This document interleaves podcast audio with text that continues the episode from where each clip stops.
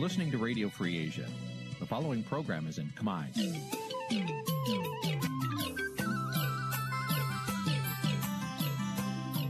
នេះជាកម្មវិធីផ្សាយ Vuthu Azizi Serai នេះជាកម្មវិធីផ្សាយរបស់ Vuthu Azizi Serai ជាភាសាខ្មែរ Vuthu Azizi Serai សូមស្វាគមន៍លោកអ្នកនាងទាំងអស់ពីរដ្ឋធានី Washington នៃសហរដ្ឋអាមេរិក។ បាទពីរដ្ឋធានីវ៉ាស៊ីនតោនខ្ញុំបាទសេកបណ្ឌិតសូមជម្រាបសួរអស់លោកអ្នកនាងកញ្ញាទាំងអស់ជាទីមេត្រីបាទយើងខ្ញុំសូមជូនកម្មវិធីផ្សាយសម្រាប់រាត្រីថ្ងៃប្រហោះ9កើតខែមិញឆ្នាំឆ្លូវត្រីស័កពុទ្ធសករាជ2565បាទត្រូវនៅថ្ងៃទី10ខែកុម្ភៈគ្រិស្តសករាជ2022បាទជាដំបូងនេះសូមអញ្ជើញអស់លោកអ្នកនាងស្ដាប់ព័ត៌មានប្រចាំថ្ងៃដែលមានមេតិការដូចតទៅ thank you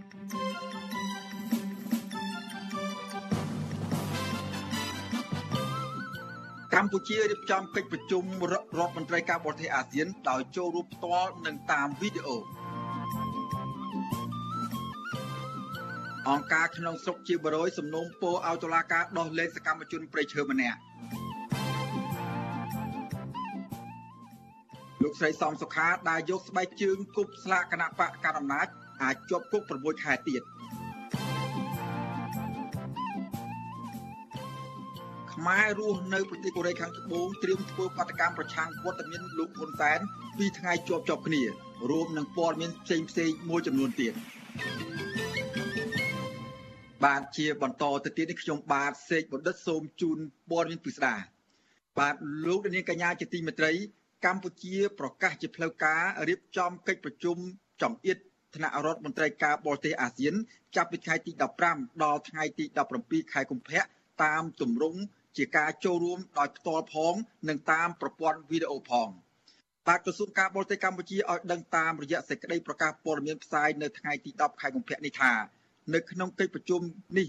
រដ្ឋមន្ត្រីការបរទេសអាស៊ាននឹងពិនិត្យមើលឡើងវិញនៅការសម្រេចនានារបស់ថ្នាក់ដឹកនាំអាស៊ាន នៅក្នុងកិច្ចប្រជុំកំពូលអាស៊ានកាលពីឆ្នាំកន្លងទៅបាទក្រមមន្ត្រីជាន់ខ្ពស់អាស៊ាននឹងផ្លាស់ប្តូរទស្សនៈគ្នាដើម្បីរិះរកវិធីសាស្ត្រផ្សេងផ្សេង កសាងសហគមន៍អាស៊ានមួយ ដែលកាន់តែធន់រឹងមាំប្រកបដោយធម៌ពលសន្តិភាព និងវិបុលភាព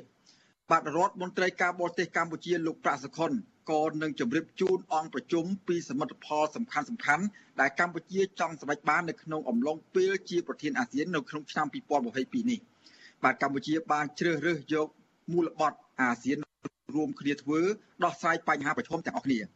ដើម្បីឆ្លើយតបទៅនឹងបញ្ហាប្រឈមជាយុទ្ធសាស្ត្រដែលកំពុងកើតមាននៅក្នុងតំបន់បាទនៅក្នុងនោះរួមមានការគ្រប់គ្រងជំងឺ Covid-19 ប្រកបដោយប្រសិទ្ធភាពការប្រកួតប្រជែងភូមិសាស្ត្រនយោបាយនិងបញ្ហាសន្តិសុខក្នុងតំបន់ជាដើម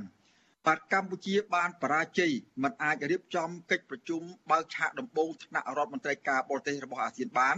ដោយត្រូវពន្យាពេលអស់ជិត1ខែ ដោយសារតែក្រមប្រទេសជាសមាជិកអាស៊ានមួយចំនួនជំទាស់ទៅនឹងការសម្រេចតែង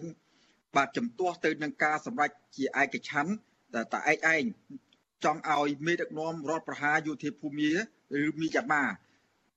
ចូលរួមក្នុងកិច្ចប្រជុំកំពូលអាស៊ានឡើងវិញដោយតាមការចង់បានរបស់ប្រទេសចិនបាទការពន្យាពេលនេះក៏បានធ្វើឲ្យកិច្ចប្រជុំកំពូលអាស៊ានដទៃទៀតត្រូវលើកពេលជាពិសេសកិច្ចប្រជុំកំពូលពិសេសអាស៊ានអាមេរិក ដែលពិភពលោកកំពុងទន្ទឹងរង់ចាំមើលបាទក្រោយរងការរិះគន់យ៉ាងខ្លាំងក្លាពីការធ្វើឲ្យបែកបាក់អាស៊ានកម្ពុជាបានបន្ទន់អរិយាប័ត្រងាកមកធ្វើតាមសេចក្តីសម្រេចរបស់អាស៊ាន កាលពីពេលកន្លងទៅដោយមិនអនុញ្ញាតឲ្យមេដឹកនាំរបបសឹកភូមាចូលរួមកិច្ចប្រជុំកំពូលអាស៊ាន និងរក្សាជំហរថាតំណាងរបស់ប្រទេសភូមាដែលអាចចូលរួមកិច្ចប្រជុំនេះបានត្រូវតែមិនមែនជាអ្នកនយោបាយ។ ក្រមអ្នកជំនាញពុំមានជំនឿថាក្នុងនាមជាប្រធានបដូវវេនអាស៊ាន កម្ពុជាអាចដោះស្រាយបញ្ហាប្រឈមសំខាន់សំខាន់ជាពិសេសបញ្ហាសន្តិសុខនិងនយោបាយដែលជាអាទិភាពនៅក្នុងតំបន់នោះទេម្យ៉ាងវិញទៀតពួកគេថាកម្ពុជា ដឹកនាំអាស៊ាននៅឆ្នាំ2022នេះក៏ទំនងជាមិនសូវខុសគ្នាពីពេលមុនមុនដែរដែលកម្ពុជាបាននាំមកនៅភាពអាម៉ាស់ដល់សហគមន៍នេះ ដោយសារតែកម្ពុជា ចេញមុខគាំទ្រប្រទេសចិន នៅក្នុងរឿងចំនួនដណ្ដើមអធិបតេយ្យលើប្រជុំកោះនៅសមុទ្រចិនខាងត្បូង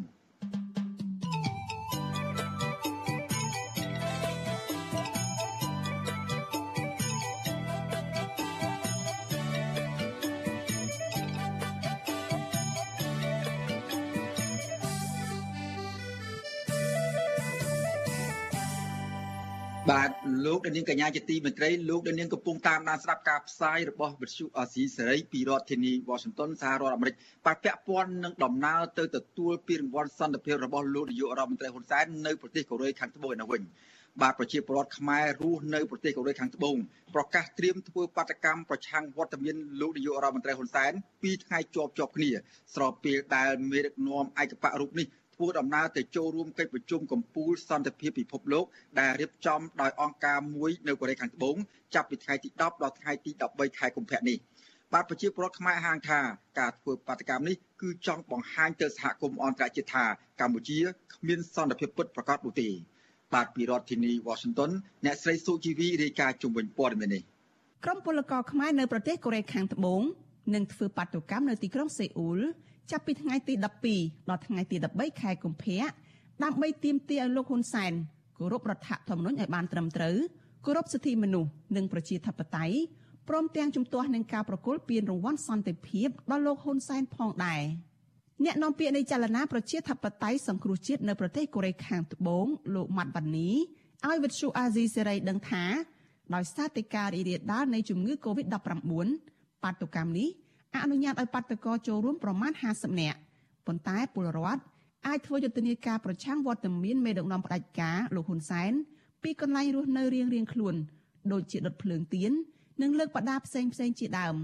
លោកបញ្ជាក់ថាការធ្វើបាតុកម្មនេះគឺនៅល្ងាចថ្ងៃសៅរ៍ក្រុមបាតុករនឹងដុតភ្លើងទៀនតវ៉ាជាង1ម៉ោងហើយនៅថ្ងៃអាទិត្យក្រុមបាតុករនឹងជួបជុំគ្នាតវ៉ាម្ដងទៀតចាប់ពីម៉ោង11ព្រឹកដល់ម៉ោង2រសៀល។ យើងមានគោលបំណងពីរសំខាន់សំខាន់ទី1យើងទាមទារឲ្យមេដឹកនាំរបស់ក្រុងភ្នំពេញលោកហ៊ុនសែននឹងឲ្យគាត់គោរពនៅគោលការណ៍លទ្ធិប្រជាធិបតេយ្យជាពិសេសអនុវត្តឲ្យបានត្រឹមត្រូវពេញលេញនៅរដ្ឋធម្មនុញ្ញយើងឃើញថាកន្លងមកមានការអនុវត្តច្បាប់នឹងដូចជាមានការរឹតបន្តឹងសេរីភាពបំបិតមនុស្សយើងមើលឃើញថាវាមានចំណុចអវិជ្ជមានជាច្រើននៅក្នុងការអនុវត្តច្បាប់នឹងគោលបំណងទី2នៅក្នុងការចូលរួមធ្វើបាតកម្មនេះគឺយើងប្រឆាំងទៅនឹងការដែលផ្ដាល់ពានរង្វាន់សន្តិភាពទៅកាន់លោកហ៊ុនសែនដូចយើងដឹងហើយថាលោកហ៊ុនសែនមិនមែនជាអ្នកបង្កើតសន្តិភាពទេនៅក្នុងប្រទេសកម្ពុជាមែនទែនមិនមានសន្តិភាពពិតប្រាកដទេព្រោះវាវាខ្វះនៅយុត្តិធម៌ដូចជាខ្វះនៅសេរីភាពជាមួយគ្នានេះប្រធានគណៈកម្មការនយោបាយនៃចលនាប្រជាធិបតេយ្យសង្គ្រោះជាតិនៅប្រទេសកូរ៉េខាងត្បូង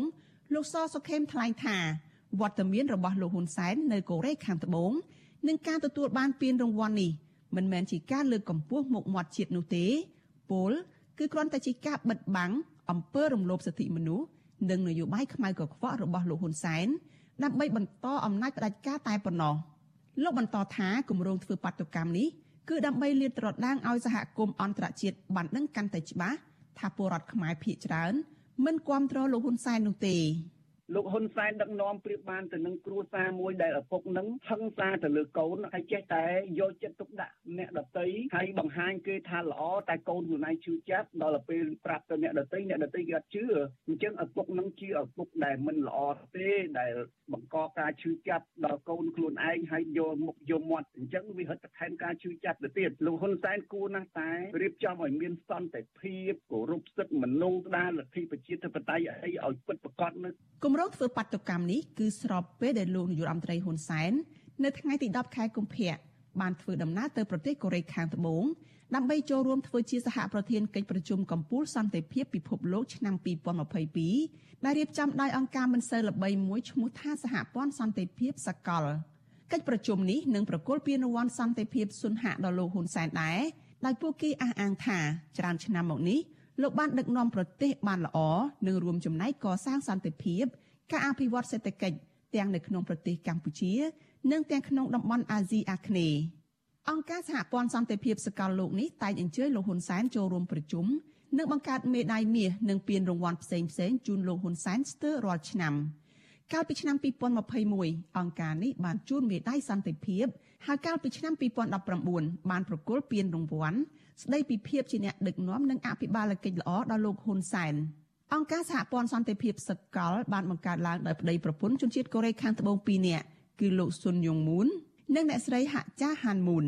អង្គការដដែលនេះតែងមានទំនាក់ទំនងជិតស្និទ្ធនិងតែងតែបង្កើតពានរង្វាន់សម្រាប់ក្រុមមេដឹកនាំមួយចំនួនដែលក្រាញអំណាចពុករលួយ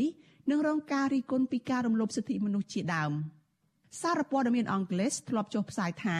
លោកស៊ុនយ៉ុងមូនគឺជាមនុស្សរកស៊ីបោកប្រាស់ពលរដ្ឋក្រីក្រដោយគ្មានកេរ្តិ៍ខ្មាស់ ឬអ្នកខ្លះហៅថាជាមនុស្សមិនគ្រប់ទឹកព្រោះធ្លាប់ប្រកាសខ្លួនថា ជាព្រះមកចាប់ជាតិរួចក៏ឆោបោកយកលុយពីក្រុមមនុស្សដែលឆាប់មានជំនឿទាំងនោះការរកស៊ីបោកប្រាស់អ្នកដទៃជាច្រើនឆ្នាំមកនេះបានធ្វើឲ្យអ្នកផ្ដាល់ពានរង្វាន់រូបនេះក្លាយជាមហាសេដ្ឋីប៉ុន្តែកាលពីឆ្នាំ1980អាញាធរសហរដ្ឋអាមេរិកបានចាប់ខ្លួនលោកស៊ុនយ៉ុងមូនដាក់ពន្ធនាគារមួយឆ្នាំកន្លះដោយសារតែអំពើទុច្ចរិតរបស់គាត់ ទោះយ៉ាងណាក្តីក្រុមលោកហ៊ុនសែនហាក់មិនខ្វល់អំពីកេរ្តិ៍ឈ្មោះអាស្រូវរបស់ស្ថាបនិកអង្គការនេះទេប៉ុន្តែកំពុងតែមានមោទនភាពជាខ្លាំងចំពោះការបានពានរង្វាន់នេះនិងថែមទាំងបង្កើនការឃោសនាយ៉ាងទូលំទូលាយដើម្បីជួយលើកមុខមាត់ឲ្យលោកហ៊ុនសែនជុំវិញរឿងនេះអ្នកនាំពាក្យសមាគមការពារសិទ្ធិមនុស្សអាត6លោកសឹងសែនករណាថ្លែងថាអង្គការដែលបានផ្ដល់ពានរង្វាន់ជូនលោកនាយករដ្ឋមន្ត្រីហ៊ុនសែនត្រូវគេមើលឃើញថាមិនសូវមានការទទួលស្គាល់ទូលំទូលាយពីសហគមន៍អន្តរជាតិនោះទេ ចំពោះគម្រោងតវ៉ារបស់ពលរដ្ឋវិញលោកយល់ថាគឺជាសិទ្ធិសេរីភាពនិងជាការសម្ដែងឆន្ទៈរបស់ពួកគាត់ដែលរដ្ឋាភិបាលគួរតែយកចិត្តទុកដាក់ស្ដាប់និងឆ្លើយតបជាវិជ្ជមាន។ រដ្ឋាភិបាលគួរតែមានការពិនិត្យមើលការទៀមទានឹងឡើងវិញហើយបត់ដោះស្រាយបញ្ហាទាំងអស់នឹងបានអ្វីដែលជាផលត្រឡប់មកវិញនឹងគឺមុខមាត់របស់រដ្ឋាភិបាលខ្លួនឯងមានន័យថាគាត់អាចទៅណាមកណាដោយមិនមានការធ្វើបាតកម្មទៀមទាបែបនឹងទេបើសិនជាស្ថានភាពទាំងអស់នោះបានងាកមកភាពល្អប្រសើរហើយធ្វើឲ្យសិទ្ធិសេរីភាពហើយនឹងស្ថានភាពនយោបាយនឹងមានការបើកលំហទលំទលាយមកវិញហើយមានការទទួលស្គាល់ពីគ្រប់ភាគីពាក់ព័ន្ធនោះគឺជាអ្វីដែលជាតម្លៃរបស់អ្នកដឹកនាំហើយអ្នកខ្លោមើលបញ្ហាសង្គមតែលើកឡើងថាបើទោះបីជាកម្ពុជាគ្មានសង្គ្រាមក៏ដោយក៏ប៉ុន្តែក្រោមការគ្រប់គ្រងរបស់លោកហ៊ុនសែនពោពេញទៅដោយអសន្តិសុខមនុស្សជាតិមានអំពើហិង្សាការរំលោភដីធ្លីអយុត្តិធម៌សង្គមអំពើពុករលួយ ការរំលោភបំពានសិទ្ធិនយោបាយសិទ្ធិពលរដ្ឋនិងសិទ្ធិកម្មករជាដើមដូច្នេះបង្ហាញឲ្យឃើញថាប្រទេសនេះមិនទាន់មានសន្តិភាពពិតប្រាកដនោះទេ ស្នាដៃលេចធ្លោនិងក៏ក្រើកពេញពិភពលោករបស់លោកហ៊ុនសែននៅក្នុងរយៈពេលប្រមាណឆ្នាំចុងក្រោយនេះគឺការបើកយុទ្ធនាការកំទេចបកប្រឆាំងដែលមានសង្ឃឹមឈ្នះឆ្នោតតែមួយគត់នៅកម្ពុជា និងបង្ក្រាបលើសម្លេងរិះគន់ឥតឈប់ឈររហូតមកដល់ពេលនេះទង្វើរបស់រដ្ឋាភិបាលលោកហ៊ុនសែននេះបានបណ្ដាលឲ្យក្រុមអង្គការជាតិនិងអន្តរជាតិព្រមទាំងប្រទេសប្រជាធិបតេយ្យថ្កោលទោសនិងដាក់ទណ្ឌកម្មជាបន្តបន្ទាប់ផងដែរនាងខ្ញុំសុជីវីវិទ្យុអាស៊ីសេរី ពីរដ្ឋធានី Washington បាទលោកនាងកញ្ញាជាទីមេត្រីអតីតកម្មការនីរោងចក្រម្នាក់គឺលោកស្រីសំសុខា បានជាប់ពន្ធនាគារគ្រប់ការកំណត់រយៈពេល4ឆ្នាំពេញ និងបានចេញពីពន្ធនាគារកាលពីថ្ងៃទី9ខែកុម្ភៈក៏ប៉ុន្តែលោកស្រីអាចប្រឈមនឹងការចាប់បញ្ជូនទៅឲ្យជាប់ឃុំនៅពន្ធនាគារបន្ត6ខែទៀតដោយសារតែមិនអាចរកប្រាក់ចំនួន10លានរៀលឬស្មើប្រមាណ2500ដុល្លារសម្រាប់បង់ថ្លៃពិន័យរបស់តុលាការភ្លាមៗបាន បាទលោកស្រីសំសុខាថាលោកស្រីជិះមិនផុតពីត្រូវជាប់ពន្ធនាគារបន្ត6ខែទៀតនោះទេ ដោយសារតែលោកស្រីមិនអាចមានលទ្ធភាពរកប្រាក់ដ៏សន្ធឹកសន្ធាប់បែបនេះនៅក្នុងរយៈពេលដ៏ខ្លីដើម្បីយកទៅសងតុលាការបានព្រោះម្យ៉ាងលោកស្រីទើបតែចេញពីពន្ធនាគារនិងម្យ៉ាងទៀតជីវភាពរបស់លោកស្រីខ្វះខាតខ្លាំង បាទលោកស្រីប្រាប់បទសុអាស៊ីសេរីថាលោកស្រីសោកស្ដាយដែលលោកស្រីខំព្យាយាមសុំការយោគយល់ពីព្រះរាជអាជ្ញាក្នុងរឿងនេះដែរក៏ប៉ុន្តែលោកស្រីអះអាងថាព្រះរាជអាជ្ញាមិនព្រមនិងគម្រាមចាប់ខ្លួនលោកស្រីដាក់ពន្ធនាគារវិញឲ្យខាងតែបានបើសិនជាលោកស្រីមិនអាចរកលុយឲ្យបានគ្រប់ចំនួន10លានរៀលដើម្បីប្រគល់ទៅឲ្យតុលាការភ្លាមៗនោះទេ បាទលោកស្រីចាត់ទុករឿងនេះថាជាអំពើអយុត្តិធម៌បន្ថែមមួយទៀតទៅលើអំពើអយុត្តិធម៌នៃការដាក់ពន្ធនាគារលោកស្រីអស់រយៈពេល4ឆ្នាំទៅហើយនោះតែមិនតែប៉ុណ្ណោះលោកស្រីថាករណីនេះក៏ជាការធ្វើបាបលោកស្រីខ្លាំងក្លាដែរចឹងវាខ្ញុំគិតថាវារើសអើងពេកហើយសម្រាប់អ្នកទោសដូចជាខ្ញុំវាអយុត្តិធម៌សម្រាប់ខ្ញុំខ្ញុំគិតថា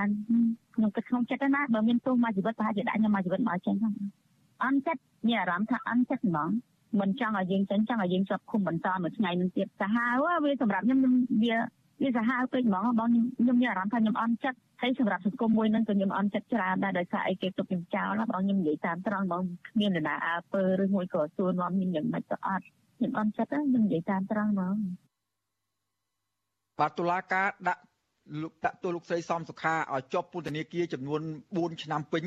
និងត្រូវបង់ផាកពិន័យចំនួន10រៀលនោះពីបទចោតចំនួន ពីបទចោតចំនួន2រួមមានបទចោតញុះញង់ឲ្យមានការរើសអើងនិងជេរប្រមាថក្រោយលោកស្រី បានដោះស្បែកជើងគប់ទៅលើស្លាកគណៈបកប្រជាជនកម្ពុជា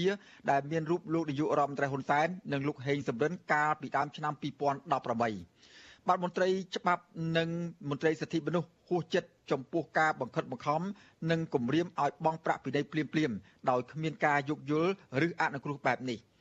បាទសូមលោកនាងរងចាំស្ដាប់និងទស្សនាកិច្ចពិភាក្សាបន្ថែមអំពីរឿងនេះនៅក្នុងការផ្សាយរបស់យើងខ្ញុំចាប់ពីម៉ោង7ចាប់ពីម៉ោង8កន្លះទៅដល់ម៉ោង9នៅពេលខាងមុខនេះដោយមានលោកស្រីសំសខាជាអ្នកវាគ្មិនដែលជុំរូបចូលរួមក្នុងកិច្ចពិភាក្សានេះហើយនឹងមន្ត្រីសិទ្ធិមនុស្សដើម្បីបកស្រាយអំពីការ ឲ្យកម្រិតឲ្យលោកស្រីបង់ប្រាក់ទៅដល់តុលាការដើម្បីជាការរួចខ្លួននោះបាទសូមលោកនាងរងចាំស្ដាប់កិច្ចសម្ភារនេះកុំបីខាននៅពេលបន្តិចទៀតបាទសូមអរគុណ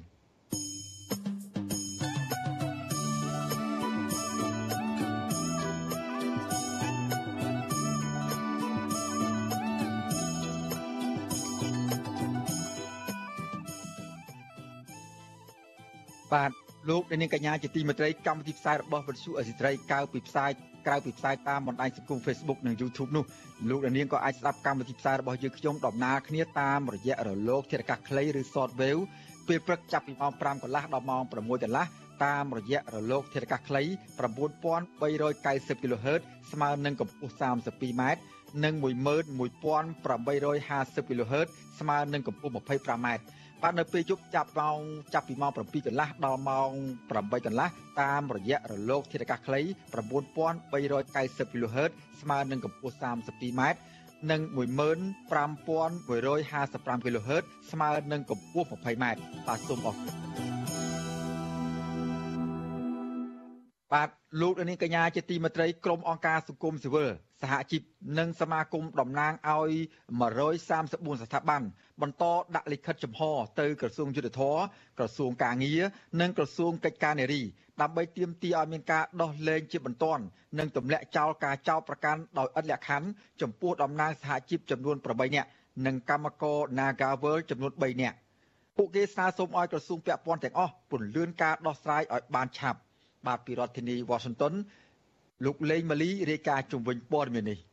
ក្រុមតំណាងអង្គការសង្គមស៊ីវិលលើកឡើងថាគោលបំណងនៃការដាក់លិខិតចំហនេះគឺចង់ឲ្យមានការដោះស្រាយវិវាទការងារនៅក្រុមហ៊ុន Nagavel ឲ្យបានឆាប់និងដោះលែងថ្នាក់ដឹកនាំសហជីពសកម្មជនសហជីពនិងកម្មករ Nagavel ទាំង11នាក់ដែលត្រូវបានតុលាការចោទប្រកាន់ពីបទញុះញង់និងបទរារាំងវិធានសុខាភិបាលឲ្យមានសេរីភាពវិញនិងដោយឥតលក្ខខណ្ឌ ពួកគេថ្កោលទោសចំពោះចំណាត់ការរបស់អាជ្ញាធរកាលពីពេលថ្មីៗនេះដែលអនុវត្តវិធានសុខាភិបាលតាំងរឹងទៅលើក្រុមកោតក្រ Nagavel ដែលជួបជុំគ្នាធ្វើកោតកម្មដោយសន្តិវិធី និងគោរពតាមវិធានសុខាភិបាលត្រឹមត្រូវនៅក្បែរស្ថានទូតអូស្ត្រាលីកន្លងមក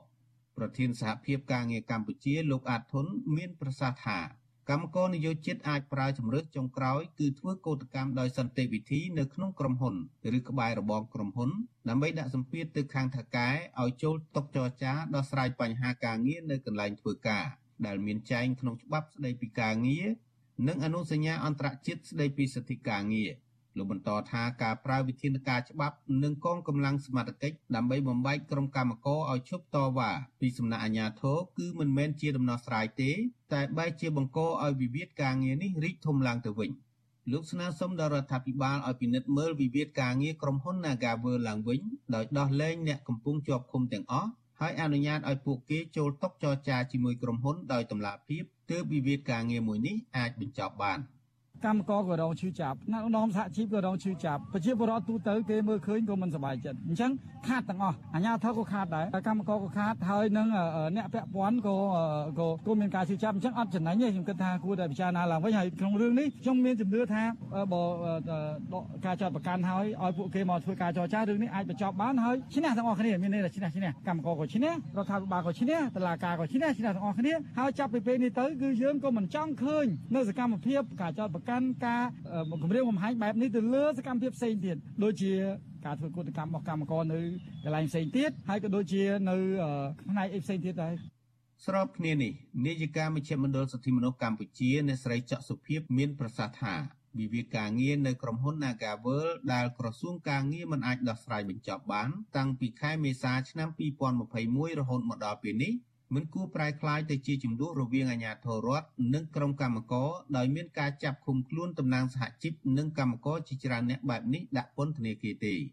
អ្នកស្រីស្នើសុំអាជ្ញាធរឲ្យដោះលែងតំណាងសហជីពនិងកម្មករទាំង11នាក់ឲ្យមានសេរីភាពវិញហើយបន្តដោះស្រាយវិវាទការងារនេះដោយសន្តិវិធីនិងតាមច្បាប់ស្តីពីការងារ។ យើងគួរតែពំរួមបញ្ហានេះឲ្យតូចជាជាងពង្រីកបញ្ហានេះឲ្យធំហើយខ្ញុំសង្ឃឹមថាចុងក្រោយនោះសម្រាប់យើងជាអង្គការសង្គមស៊ីវិលតំណាងសហជីពក៏យើងចង់ឃើញនៅដំណោះស្រាយដូចគ្នាខ្ញុំបានជួបអាជ្ញាធរជាច្រើននៅពេលដែលខ្ញុំចុះសង្កេតការឬក៏ជួបដាក់លិខិតហ្នឹងក៏គាត់លើកដូចគ្នាដែរថាគាត់ចង់ឃើញដំណោះស្រាយយើងជាខ្មែរយើងត្រូវមានដំណោះស្រាយយើងអាចដោះស្រាយជាមួយគ្នាបានអញ្ចឹងខ្ញុំសង្ឃឹមថាពាក្យដែលយើងអាសានិយាយថាខ្មែរអាចធ្វើបាននោះគឺខ្មែរអាចដោះស្រាយបញ្ហាជាមួយគ្នាដោយមិនមានការចោទប្រកាន់មិនមានការចាប់ខ្លួនសកម្មជនហើយយើងធ្វើយ៉ាងម៉េចយកនៅវិធានមួយដែលមានផលប្រយោជន៍សម្រាប់ពលរដ្ឋហើយដែលពលរដ្ឋគាត់អាចទទួលនៅផលប្រយោជន៍ពីការអភិវឌ្ឍដែលយើងតែងតែប្រកាសថាយើងចង់ឃើញនៅការអភិវឌ្ឍហើយនឹងសន្តិភាពសម្រាប់ប្រទេសនេះចា៎គិតមកដល់ពេលនេះមានតំណាងសហជីពសកម្មជនសហជីពនិងកម្មករ Nagavel សរុប11នាក់ហើយដែលត្រូវបានតុលាការក្រុងភ្នំពេញចោទប្រកាន់និងឃុំខ្លួននៅពន្ធនាគារ ក្នុងនោះមានតំណាងសហជីព8នាក់កំពុងជាប់ឃុំក្នុងពន្ធនាគារព្រៃសរក្រោមបទចោទញុះញង់បង្កឲ្យមានភាពវឹកវរធ្ងន់ធ្ងរដល់សន្តិសុខសង្គមជំវិញសកម្មភាពធ្វើកោតកម្មនៅក្បែរក្រុមហ៊ុន Nagavel កម្មករ3នាក់ទៀតជាប់ឃុំក្នុងពន្ធនាគាររាជធានីភ្នំពេញពេស៊ីក្រោមបទចោទរារាំងវិធានសុខាភិបាលតាមមាត្រា11នៃច្បាប់ប្រយុទ្ធប្រឆាំងជំងឺ Covid-19 ក្រុមកោតក្រដែលជាបុគ្គលិកកម្មករនៅក្រុមហ៊ុនបនលបែង Nagavel ឲ្យដឹងថា ពួកគេនឹងជួបជុំគ្នាធ្វើកោតកម្មដោយអហិង្សាបន្តទៀតក្រោយពីធ្វើចាត់តល័យស័កនៅផ្ទះចាប់តាមការណែនាំរបស់ក្រសួងសុខាភិបាលពួកគេបញ្ជាក់ថាការតវ៉ានៅពេលខាងមុខនេះគឺទាមទារឲ្យមានការដោះលែងតំណាងសហជីព8នាក់និងកម្មករ3នាក់ពីពន្ធនាគារដើម្បីឲ្យពួកគេវិលចូលតុចរចាដោះស្រាយបញ្ចប់វិវាទការងារជាមួយក្រុមហ៊ុនត្រឹមត្រូវតាមច្បាប់ដោយភាពស្មោះត្រង់យុត្តិធម៌និងតម្លាភាព។ ខ្ញុំបាទដេងម៉ាលីវិទ្យុអស៊ីសេរីរាយការណ៍ពីរដ្ឋធានី Washington បាទលោកនាងកញ្ញាជាទីមេត្រីឥឡូវនេះពាក់ព័ន្ធនឹងការរៀបចំដំណើរការរៀបចំការបោះឆ្នោតជ្រើសរើសក្រុមប្រឹក្សាឃុំសង្កាត់នៅពេលខាងមុខវិញម្ដងបាទគណៈកម្មគណៈបកនយោបាយមួយចំនួនមិនទាន់បានត្រៀមភ្នាក់ងារដើម្បីសង្កេតការបោះឆ្នោតជ្រើសរើសក្រុមប្រឹក្សាឃុំសង្កាត់អាណត្តិទី5នេះនៅឡើយទេបាទស្របពេលដែលការបោះឆ្នោតនេះនឹងត្រូវរៀបចំឡើងនៅខែមិថុនាខាងមុខនេះហើយ បាទតើមន្ត្រីជំនាញឃ្លាំមើលការបោះឆ្នោតនេះមានក្តីព្រួយបារម្ភយ៉ាងម៉េចហើយបញ្ហាការយឺតយ៉ាវមិនទាន់បានរៀបចំអ្នកឃ្លាំមើលសង្កេតការជុំវិញការបោះឆ្នោតនេះនឹងជួបបញ្ហាអ្វីខ្លះបាទសូមលោកនាងរងចាំស្ដាប់សេចក្តីរាយការណ៍ពិស្ដារអំពីរឿងនេះនាពេលបន្តិចទៀតបាទសូមអរគុណ thank you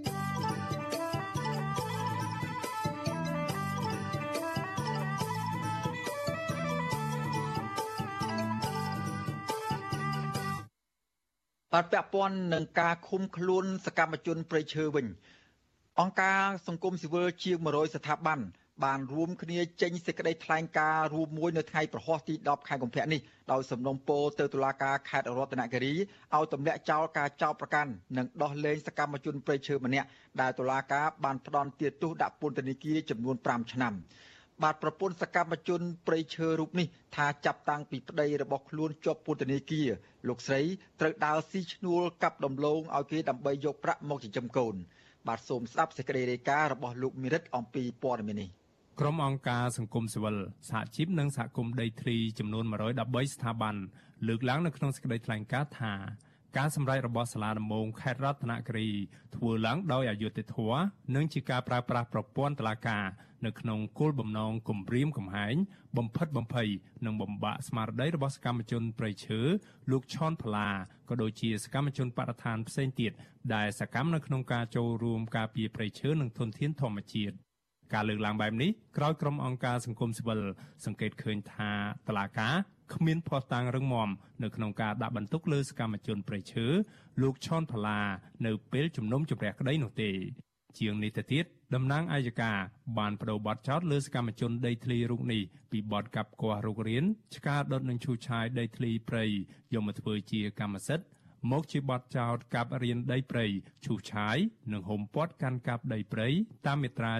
79នៃច្បាប់ស្តីពីព្រៃឈើដែលធ្វើឲ្យសកម្មជនដីធ្លីរូបនេះត្រូវជាប់ពន្ធនាគាររយៈពេល5ឆ្នាំ ទាំងដែលលោកឆនផាឡាគ្មានដីនៅតំបន់ដែលតុលាការចាត់ប្រកាន់នោះផង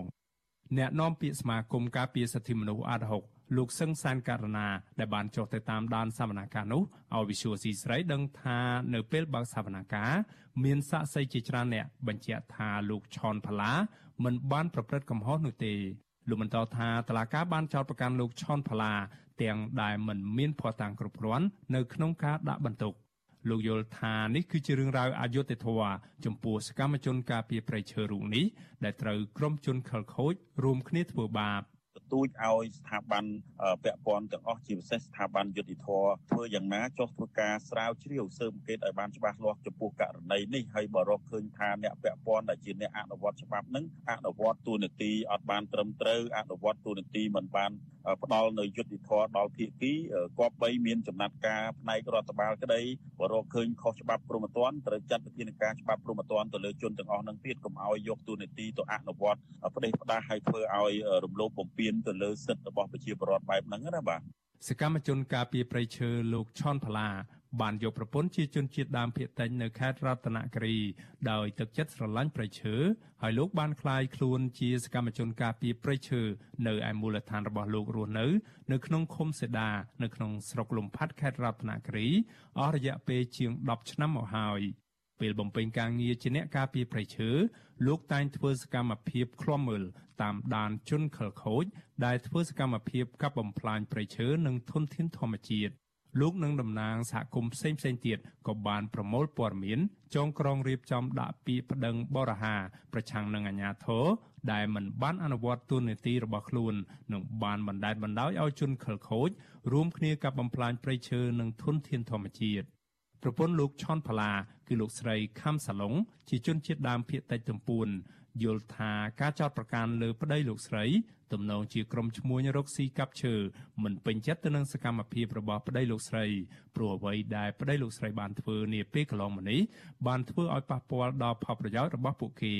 លោកស្រីត្អូញត្អែថានៅពេលដែលប្តីជាប់ពន្ធនាគារបែបនេះលោកស្រីត្រូវរ៉ាប់រងចិញ្ចឹមកូន3នាក់ដោយរបរស៊ីឈ្នួលកាប់ដំឡូងឲ្យគេ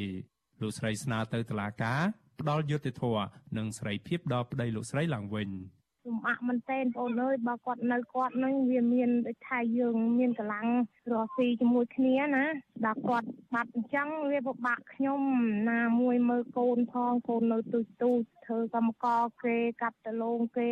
ដល់កន្លះខែនឹងបានមកតោនព្រោះយើងម្នាក់ឯងហ្នឹងស៊ីតោនគេមកតោនវា150,000មួយខែចឹងមួយខែបានមកតោនហ្នឹងល្មមបានមកតោនហ្នឹងអាណាចែកធ្វើកន្លែងកូនទៀតណាចែកទៅមើលប្តីទៀតគ្រប់សពមកខ្ញុំស្ងាយហ្នឹងជុំវិញបញ្ហានេះ វិសុវស៊ីស្រីមិនអាចសុំការឆ្លើយតបពីអ្នកនាំពាក្យអัยការនៃសាលាដំបងខេត្តរតនគិរី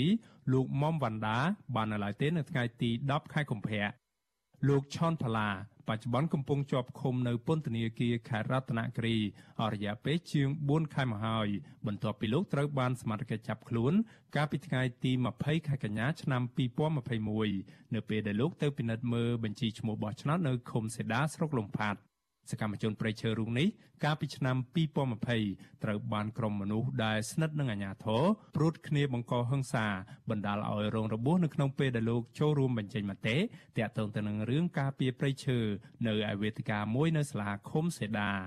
លោកបានប្តឹងទៅតុលាការរួចហើយក៏ប៉ុន្តែមិនទាន់ឃើញមានចំណាត់ការណាមួយលើក្រុមជនដៃដល់ដែលបានប្រព្រឹត្តហិង្សាមកលើរូបលោកនៅឡើយទេ ក្រុមអង្គការសង្គមស៊ីវិលសង្ឃឹមថារដ្ឋាភិបាលនឹងចងចាំនៅកាតព្វកិច្ចរបស់ខ្លួននៅក្នុងការការពារបរិស្ថាននិងធនធានធម្មជាតិរបស់កម្ពុជានិងធានាសិទ្ធិសេរីភាពរបស់ប្រជាពលរដ្ឋនៅក្នុងការចូលរួមនៅក្នុងជីវភាពសង្គមជាតិហើយតឡាកាក៏នឹងទម្លាក់ចោលបទចោទប្រកាន់មកលើលោកឆនផាឡាព្រមទាំងដោះលែងលោកឲ្យមានសេរីភាពដោយឥតលក្ខខណ្ឌខ្ញុំបាទមេរិត Visual C ស្រីរាយការណ៍ពីរដ្ឋធានី Washington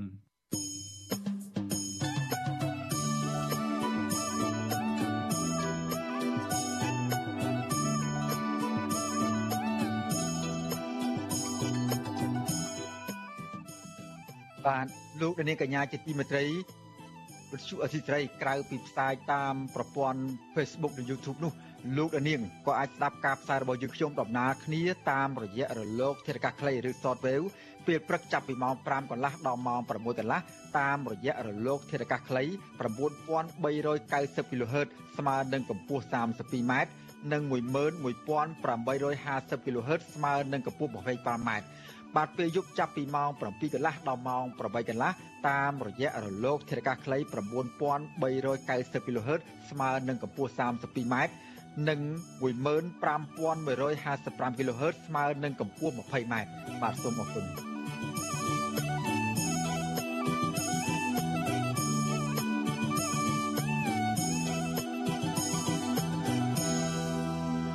បាទឥឡូវយើងក៏លេខទៅមើលស្ថានភាពព្រៃឈើវិញម្ដង បាទក្រុមហ៊ុនចិន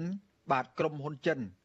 ឈ្មោះស៊ីវហ្គិចបានដំឡើងដេប៉ូអាឈើខ្នាតធំជាប់នឹងព្រៃសហគមន៍ភូមិក្បាលរមាសជាថ្មីទៀតដោយមានកម្លាំងកម្មកររាប់សិបនាក់កំពុងមមាញឹកអាចជ្រៀកឈើមូលធំធំធ្វើអាជីវកម្មទ្រង់ទ្រាយធំ នៅរយៈពេលជាង1ខែចុងក្រោយនេះបាទជនជាតិដើមភៀតតិចភ្នងរស់នៅខេត្តស្ទឹងត្រែង ដែលក្រាញ់ននីលយាមការពីប្រៃសហគមន៍ឃុំក្បាលរមាសព្រួយបារម្ភខ្លាចក្រែងក្រុមហ៊ុនបញ្ជូនកម្មករចូលកាប់ឈើនៅក្នុងប្រៃសហគមន៍ដែលនៅសេសសល់តិចតួចចុងក្រោយនេះបាទពីរដ្ឋធានី Washington អ្នកស្រីម៉ៅសុធីនីរាយការណ៍ជុំវិញព័ត៌មាននេះ ជនជាដើមភេតិចភ្នងដែលរងគ្រោះដោយសារទំនប់វារីអគិសនីសេសានក្រោម2រស់នៅឃុំក្បាលរមៀសស្រុកសេសានអះអាងថាក្រុមហ៊ុនចិនឈ្មោះ Sivgate កំពុងប្រមូលឈើមូលធំធំពីខាងក្រៅដឹកជញ្ជូនចូលការដ្ឋានរបស់ក្រុមហ៊ុនដើម្បីអាចជ្រៀកធ្វើអាជីវកម្មខ្នាតធំនៅជាប់ព្រៃសហគមន៍ឃុំក្បាលរមៀសអ្នកភូមិបារម្ភថាអាជីវកម្មឈើនេះ នឹងបង្កគ្រោះថ្នាក់ដល់ដើមឈើធំធំ ដែលជាជំរកសត្វព្រៃបន្សល់ចុងក្រោយ ក្នុងព្រៃសហគមន៍ដែលអ្នកភូមិកំពុងស្នើសុំចុះបញ្ជីដីសមូហភាព តំណាងសហគមន៍ភូមិក្បាលរមៀសលោកស្រីស្រាំងឡាញ់ឲ្យដឹងនៅថ្ងៃទី10ខែកុម្ភៈថាក្រុមហ៊ុនចិនមួយនេះបានដំឡើងរោងអាចឈើនិងម៉ាស៊ីនអាចជ្រៀកឈើជាង1ខែមកហើយ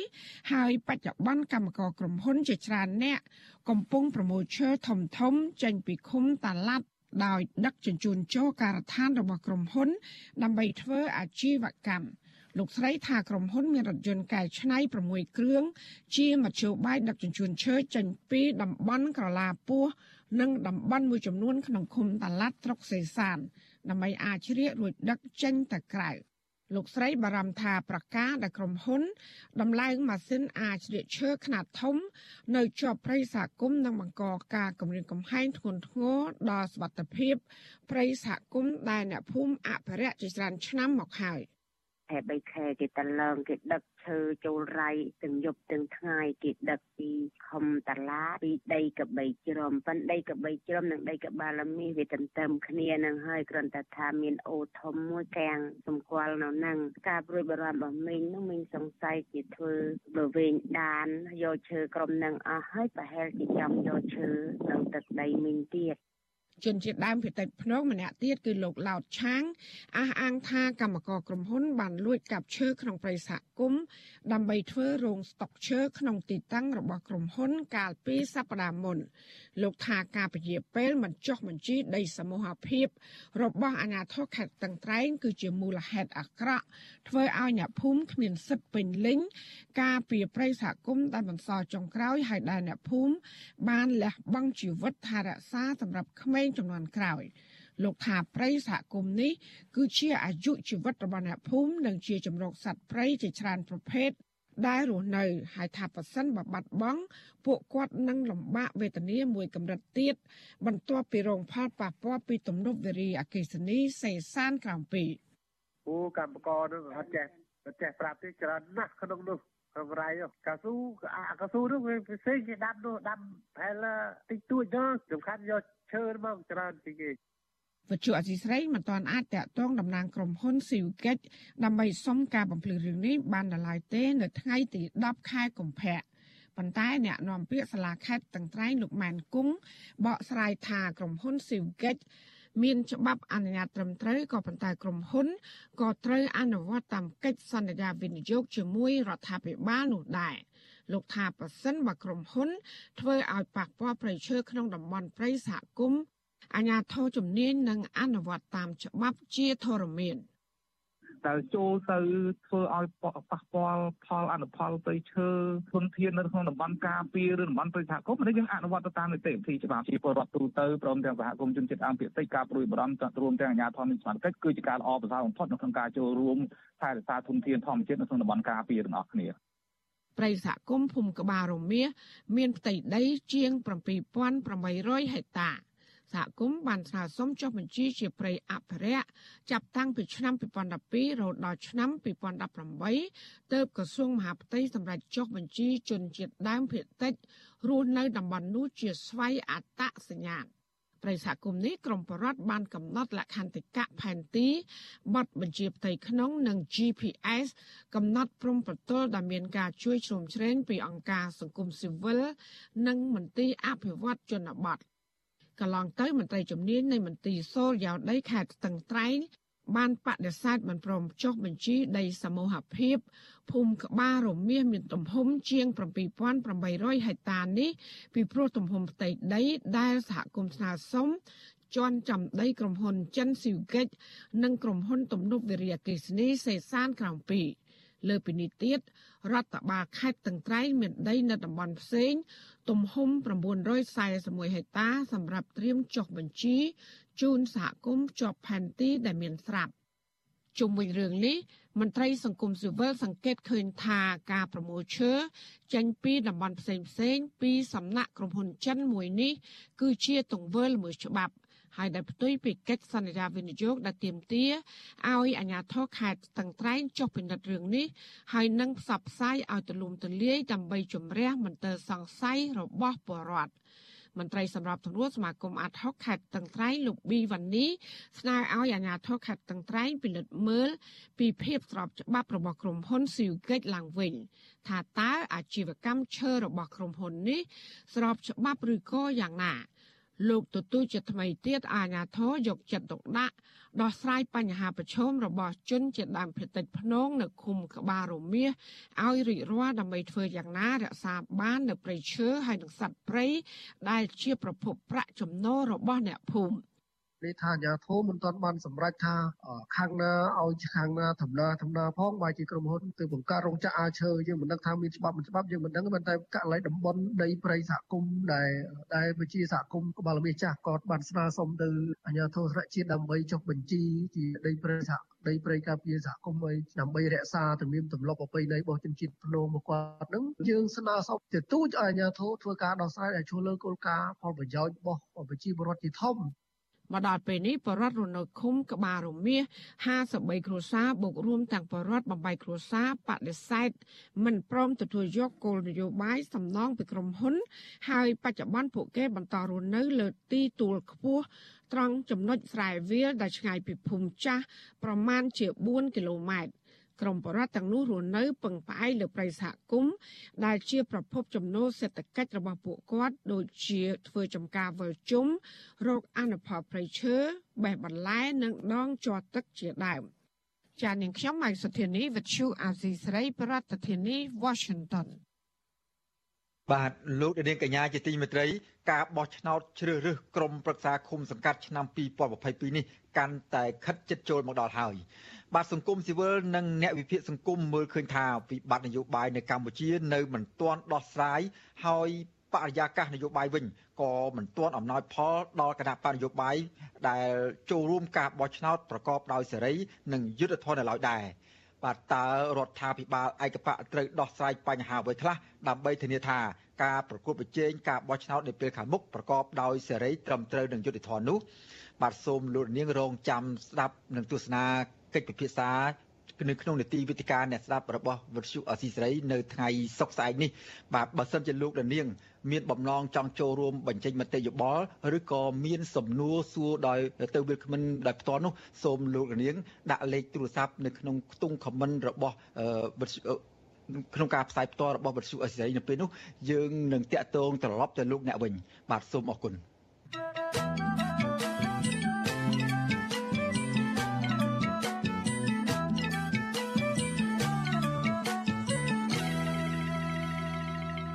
ពាក់ព័ន្ធនឹងស្ថានភាពជំងឺ Covid-19 វិញម្ដង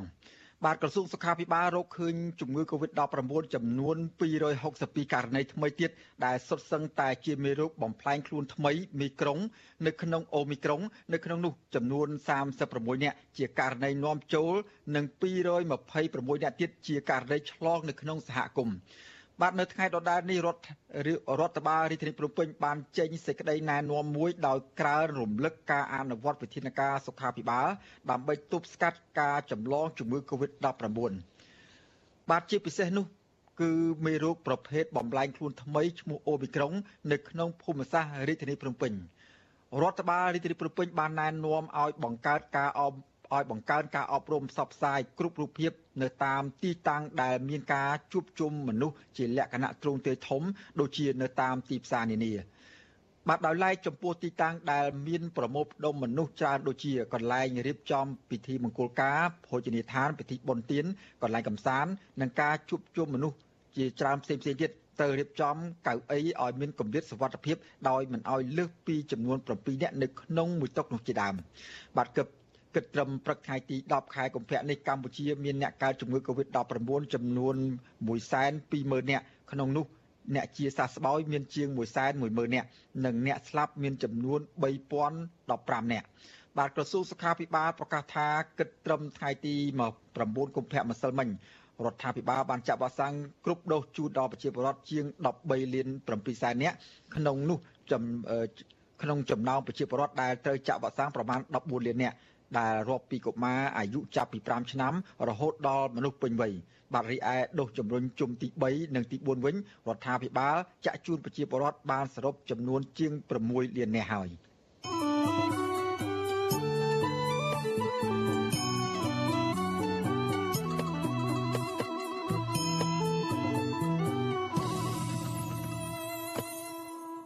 បាទលោកនាងកញ្ញាជាទីមេត្រីអ្នករត់រមាក់កង់3ឬហៅថាតុកតុក នៅក្រុងប្រសេនុកំពុងបាត់បង់អាជីពរបស់ខ្លួនក្រោយពេលដែលជួនចិត្តចិន បានដណ្ដើមការងាររបស់ពួកគាត់បាទពួកគេស្នើសុំឲ្យរដ្ឋាភិបាលអនុវត្តច្បាប់ប្រឆាំងជនបរទេសដែលលួចធ្វើការងារខុសច្បាប់នៅកម្ពុជាទោះបីជាយ៉ាងណាក៏ដោយអភិបាលខេត្តប្រសេនុថាកម្ពុជាអនុវត្តគោលការណ៍ទីផ្សារសេរី បាទពីរដ្ឋធានីវ៉ាស៊ីនតោនអ្នកស្រីស៊ូជីវីមានសេចក្តីរាយការណ៍អំពីព័ត៌មាននេះ អ្នករត់រមាក់កង់3នៅក្រុងប្រសេះអនុប្រឈមបាត់បង់អាជីពរបស់ខ្លួនក្រោយពេលជនជាតិចិន បានដណ្ដើមទីផ្សាររបស់ពួកគេអ្នករត់រមាក់កង់3និយាយថា កាលពីពេលដែលជនជាតិចិន ចូលមកទឹកដីខេត្តប្រសេះអនុដំបងដំបងពួកគាត់អាចរកប្រាក់ចំណូលបានច្រើន តែក្រោយមក ចិន បានបើករបររកស៊ីច្រើនរួមទាំងបើកក្រុមហ៊ុនឡានឈ្នួលផងបណ្ដាលឲ្យប៉ះពាល់ដល់ពលរដ្ឋខ្មែរ មិនអាចរកចំណូលបានច្រើនដូចមុនម្យ៉ាងទៀតចិនខ្លះមិនសូវនិយមសេវាដឹកជញ្ជូនរបស់ខ្មែរទេអូឥឡូវហ្នឹងយើងរកប្រាក់ចំណូលវាអត់ទៀងទាត់អីយើងដោយសារយើងមានក្រុមហ៊ុនឡានចិនផ្នែកថាក់ស៊ីឡានចិនវាច្រើនបើសិនជាក្រុមហ៊ុននោះគេបោះខ្មែរយើងហើយជាប្រជាជនខ្មែរយើងអ្នកបើកកអាហ្នឹងខ្ញុំជាមិនជាជាមានបញ្ហាទេព្រោះជាខ្មែរដូចគ្នាណា ប៉ុន្តែយើងឃើញមានតាំងពីជនបរទេសហ្នឹងវាមានទីបីសាគេមកប្រកបមុខរបរដើមមកហើយគេហៅថាមុខរបរខ្មែរយើងក្នុងស្រុកយ៉ាងវាប៉ះពាល់ច្រើនក្នុងបញ្ហាមុខរបរក្រៅប្រព័ន្ធហៅថារថម៉ូតូទុកតាក់ស៊ីកង់3គឺយើងមានបញ្ហាប្រឈមច្រើនព្រោះថាវាជាប់នឹងការមុខរបរយើងគេទៅដើមមុខរបរយើងច្រើនអញ្ចឹងធ្វើឲ្យប្រាក់ចំណូលយើងវាទាបវាមិន បានបរិះវ័យ45ឆ្នាំរូបនេះបន្តទៀតថាកាលពីពេលជនជាតិចិនចូលមកដំបងដំបងពលរដ្ឋខ្មែររកប្រាក់ចំណូលបានខ្ពស់ទាំងអ្នកលក់ដូរតាមផ្លូវនិងអ្នករត់រមាក់កង់3ឥណ្ឌាប៉ុន្តែបើប្រៀបធៀបនឹងបច្ចុប្បន្ននេះមានការធ្លាក់ចុះខ្លាំងពីមួយថ្ងៃទៅមួយថ្ងៃគឺមួយថ្ងៃអាចរកប្រាក់បានត្រឹមតែ40000រៀលទៅ50000រៀលប៉ុណ្ណោះដោយសារកំណើនអ្នករត់តាក់ស៊ីមានច្រើនចំណែកចិនមិនសូវនិយមជិះកង់3ឥណ្ឌាតទៅទៀត។ ភ្នាក់ច្រើននៃជនជាតិចិនដែលមករស់នៅខេត្តប្រសិទ្ធអនុជាអ្នករកស៊ីបើកបនលបែងកាស៊ីណូជាបុគ្គលិកធ្វើការតាមកាស៊ីណូហើយពួកគេចូលចិត្តជិះឡានតាក់ស៊ីរបស់ក្រុមហ៊ុនចិន ជាជាងជិះកង់3ខ្មែរចំណែកជនជាតិចិនមួយចំនួនទៀតដែលជិះកង់3យូរយូរម្ដងនោះតើតាជាអ្នកដែលដាច់លុយឬអស់ជំរឿទើបងាកមកជិះរមាក់កង់3អ្នករត់រមាក់ម្នាក់ទៀតមកពីខេត្តក្រចេះលោកផនណាលើកឡើងថា ការធ្លាក់ចុះនៃចំណូលពីការដឹកភ្ញៀវធ្វើឲ្យលោកមិនមានលទ្ធភាពអាចជួលបន្ទប់ស្នាក់នៅបន្តទៀតទេដូច្នេះលោកត្រូវបង្ខំចិត្តដេកនៅលើកង់3ជារៀងរាល់យប់លោកបញ្ជាក់ថាកាលពីពេលដែលជនជាតិចិនមកដល់ដំបងលោកអាចរកចំណូលបានច្រើន នៅក្នុងមួយថ្ងៃអាចដល់30ម៉ឺនរៀលទៅ40ម៉ឺនរៀលប៉ុន្តែក្រោយពីមានបញ្ហាវិបត្តិជំងឺ Covid-19 រួមផ្សំនឹងក្រុមហ៊ុនតាក់ស៊ីចិន ចាប់ផ្ដើមកាន់តែច្រើននោះ ធ្វើឲ្យចំណូលធ្លាក់ចុះកាន់តែខ្លាំងឡើងខ្លាំងឡើងជាលំដាប់លោកផនណាក់បន្តថារថយន្តតាក់ស៊ីចិនផ្ដល់ភាពងាយស្រួលសម្រាប់អតិថិជនជនជាតិចិនព្រោះពួកគេភាគច្រើនប្រើកម្មវិធី WeChat ជាប្រភេទកម្មវិធីសម្រាប់ទំនាក់ទំនងនិងកក់រថយន្តសម្រាប់ជិះដូច្នេះហើយធ្វើឲ្យជនជាតិចិនមិនសូវចាប់អារម្មណ៍ជិះកង់3ដូចពេលមុនទេលោកបន្ថែមថាបច្ចុប្បន្ននេះមានជនជាតិចិនខ្លះនៅតែជិះកង់3ប៉ុន្តែមិនច្រើននោះទេ បណ្ដាលឲ្យចំណូលប្រចាំថ្ងៃមិនថិតថេរគឺពេលខ្លះក៏បាន ពេលខ្លះក៏អត់ទៅតាមទស្សនវិជ្ជាជាក់ស្ដែងលោកបន្តថាជាក់ស្ដែងអ្នករត់កង់3នៅក្នុងខេត្តប្រសិទ្ធអនុមិនអាចរកចំណូលបានច្រើនជាងចំណាយទេ ដោយសារអីវ៉ាន់ប្រើប្រាស់និងម្ហូបអាហារនៅក្នុងខេត្តនេះមានតម្លៃថ្លៃលោកថាប្រសិនបើរកចំណូលនៅតែមិនបានដូចពេលបច្ចុប្បន្ននេះលោកនឹងត្រឡប់ទៅស្រុកកំណើតវិញបើថាស្ថានភាពនៅតែស្ងៀមស្ងាត់អត់មានជាងដល់អញ្ចឹង thì ខ្ញុំក៏មិនអាចទៅបន្តទៅមុខទៀតបានដែរអាចជាទៅស្រុកវិញរកអាជីពគឺជាធ្វើចការធ្វើអីយ៉ាងដាក់ឡូមដាក់អីយ៉ាងមិន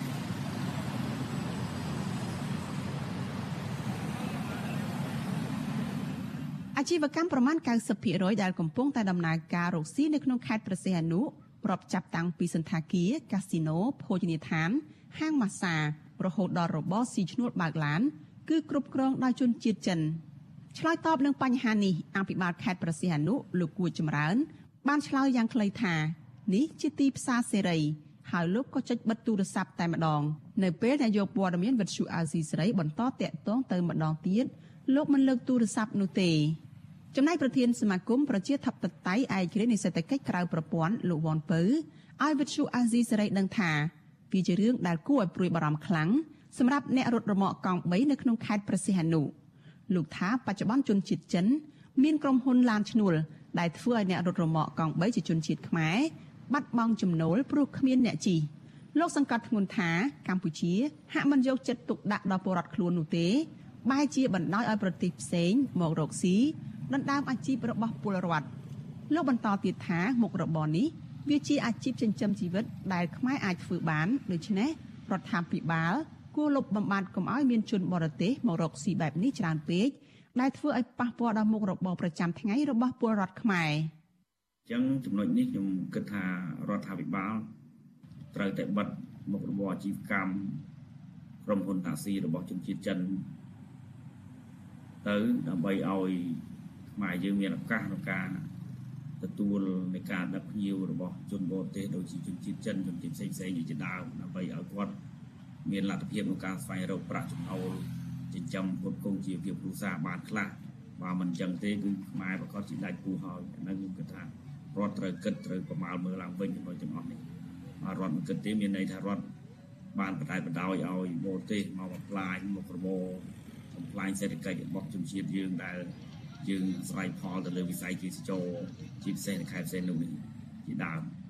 កម្ពុជាស្ថិតនៅចំកណ្ដាលនៃគំនិតផ្ដួចផ្ដើមខ្សែក្រវ៉ាត់និងផ្លូវសូត្រដ៏មានមហិច្ឆតារបស់ប្រធានាធិបតីចិនលោកស៊ីជីនពីងក្រុងប្រសិទ្ធអនុដែលជាទីតាំងនៃកំពង់ផែទឹកជ្រៅតែមួយគត់របស់កម្ពុជាបានក្លាយជាចំណុចប្រសពសម្រាប់វិនិយោគទុនចិននៅក្នុងរយៈពេលប្រមាណឆ្នាំថ្មីៗនេះដែលកំពុងវាយលុកយ៉ាងខ្លាំងលើទីផ្សារពាណិជ្ជកម្មរបស់ខេត្តមួយនេះ ដែលធ្វើឲ្យពលរដ្ឋខ្មែរភ័យច្រើនមិនសូវសប្បាយចិត្តព្រោះមិនអាចរកស៊ីប្រកួតប្រជែងជាមួយចិនបាននេះខ្ញុំសុជីវីវិទ្យុអាស៊ីសេរីពីរដ្ឋធានី Washington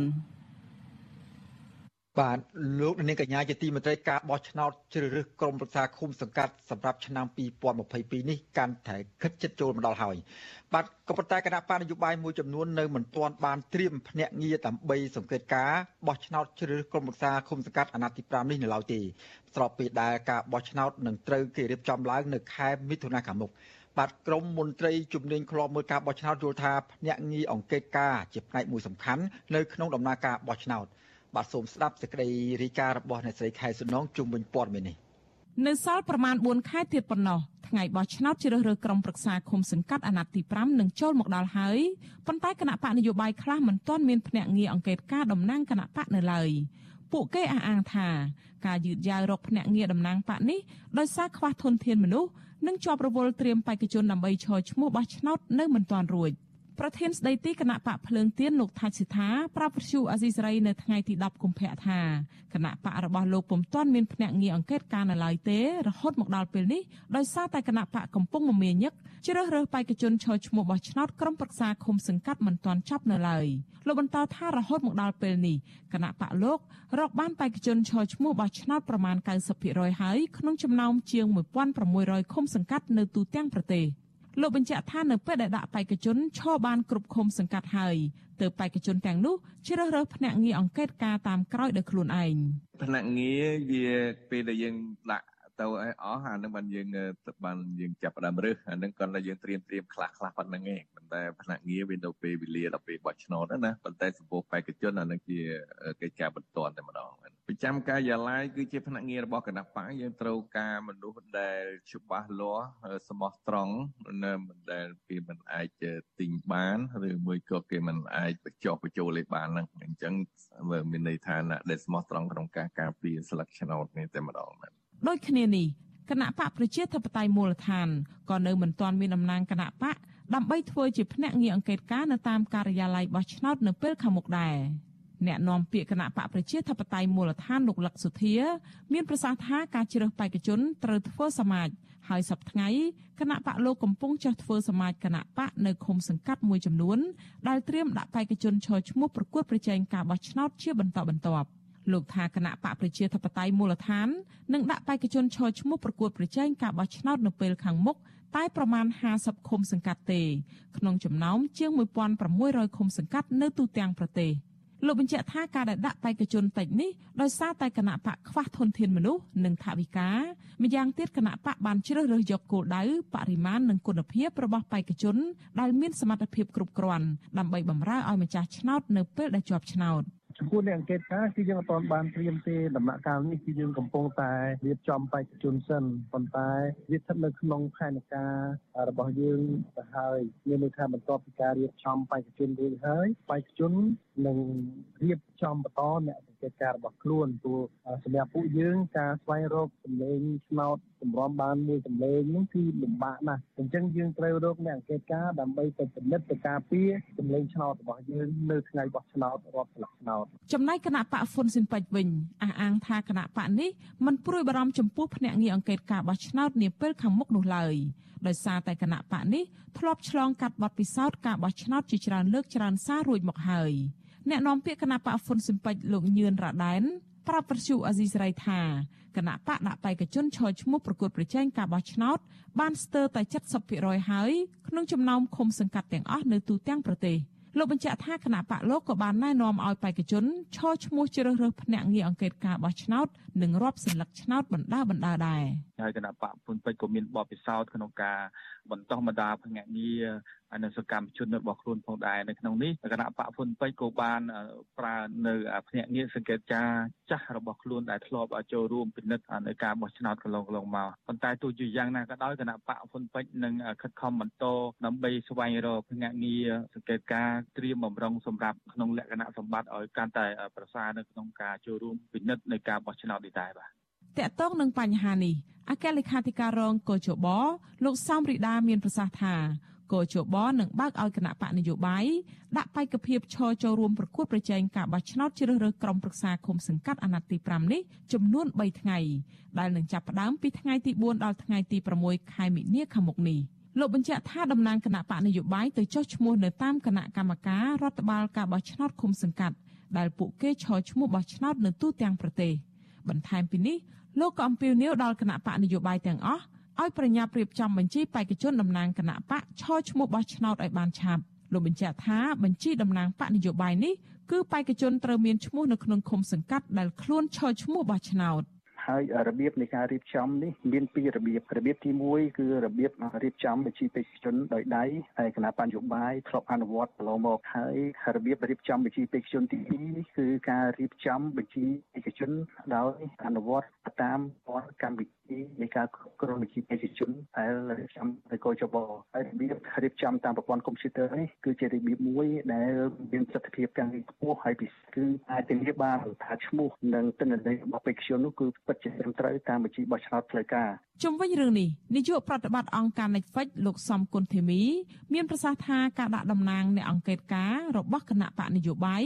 មានសារៈសំខាន់ដល់លទ្ធផលការបោះឆ្នោតដែលគណៈបកនយោបាយទាំងអស់ ត្រូវមានតំណាងឃ្លាំមើលឲ្យបានគ្រប់ការិយាល័យក្នុងដំណើរការបោះឆ្នោត។បន្ថែមពីនេះលោកថាគណៈបកនយោបាយត្រូវបណ្ដុះបណ្ដាលដល់អ្នកអង្កេតការទាំងនោះឲ្យបានត្រឹមត្រូវនិងយល់ដឹងច្បាស់លាស់អំពីនីតិវិធីការបោះឆ្នោតនិងការរាប់សន្លឹកឆ្នោតនៅពេលខាងមុខពួកអី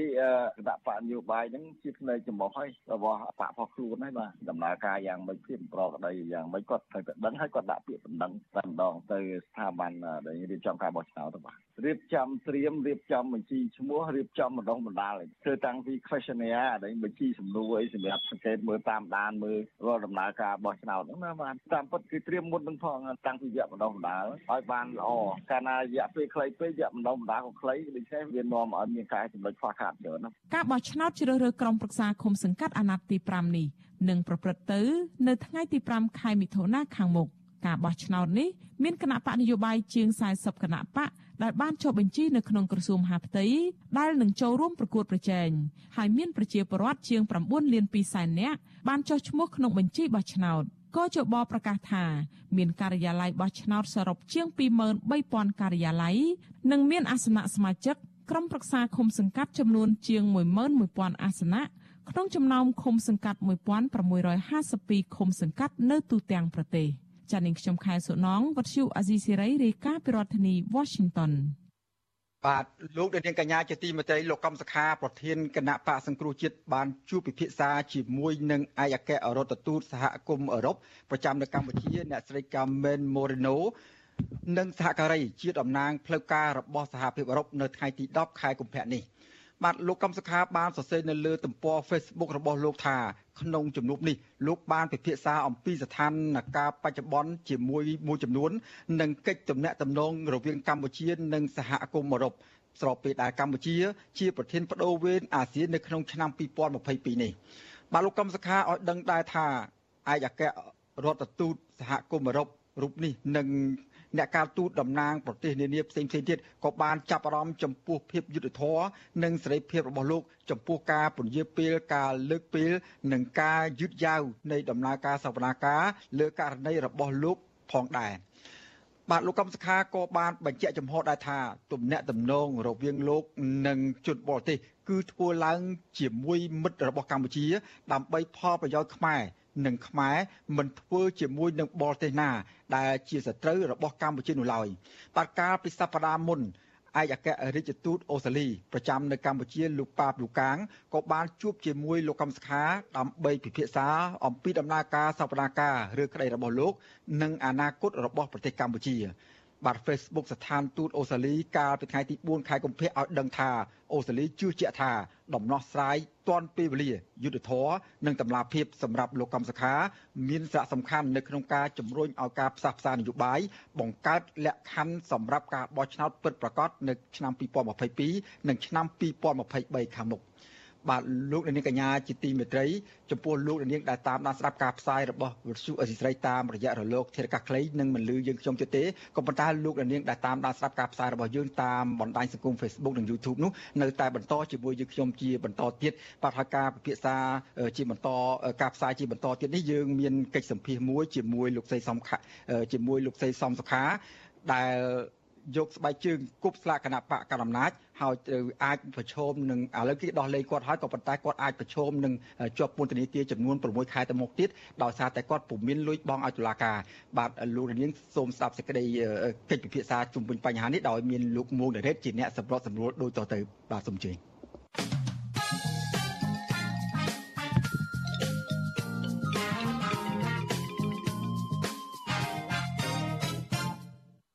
បាទផ្សាយផ្ទាល់ពីរដ្ឋធានី Washington ខ្ញុំបាទមុងណារ៉េតសូមជម្រាបសួរលោកនាងដែលកំពុងតាមដានស្ដាប់និងទស្សនាវិទ្យុអាស៊ី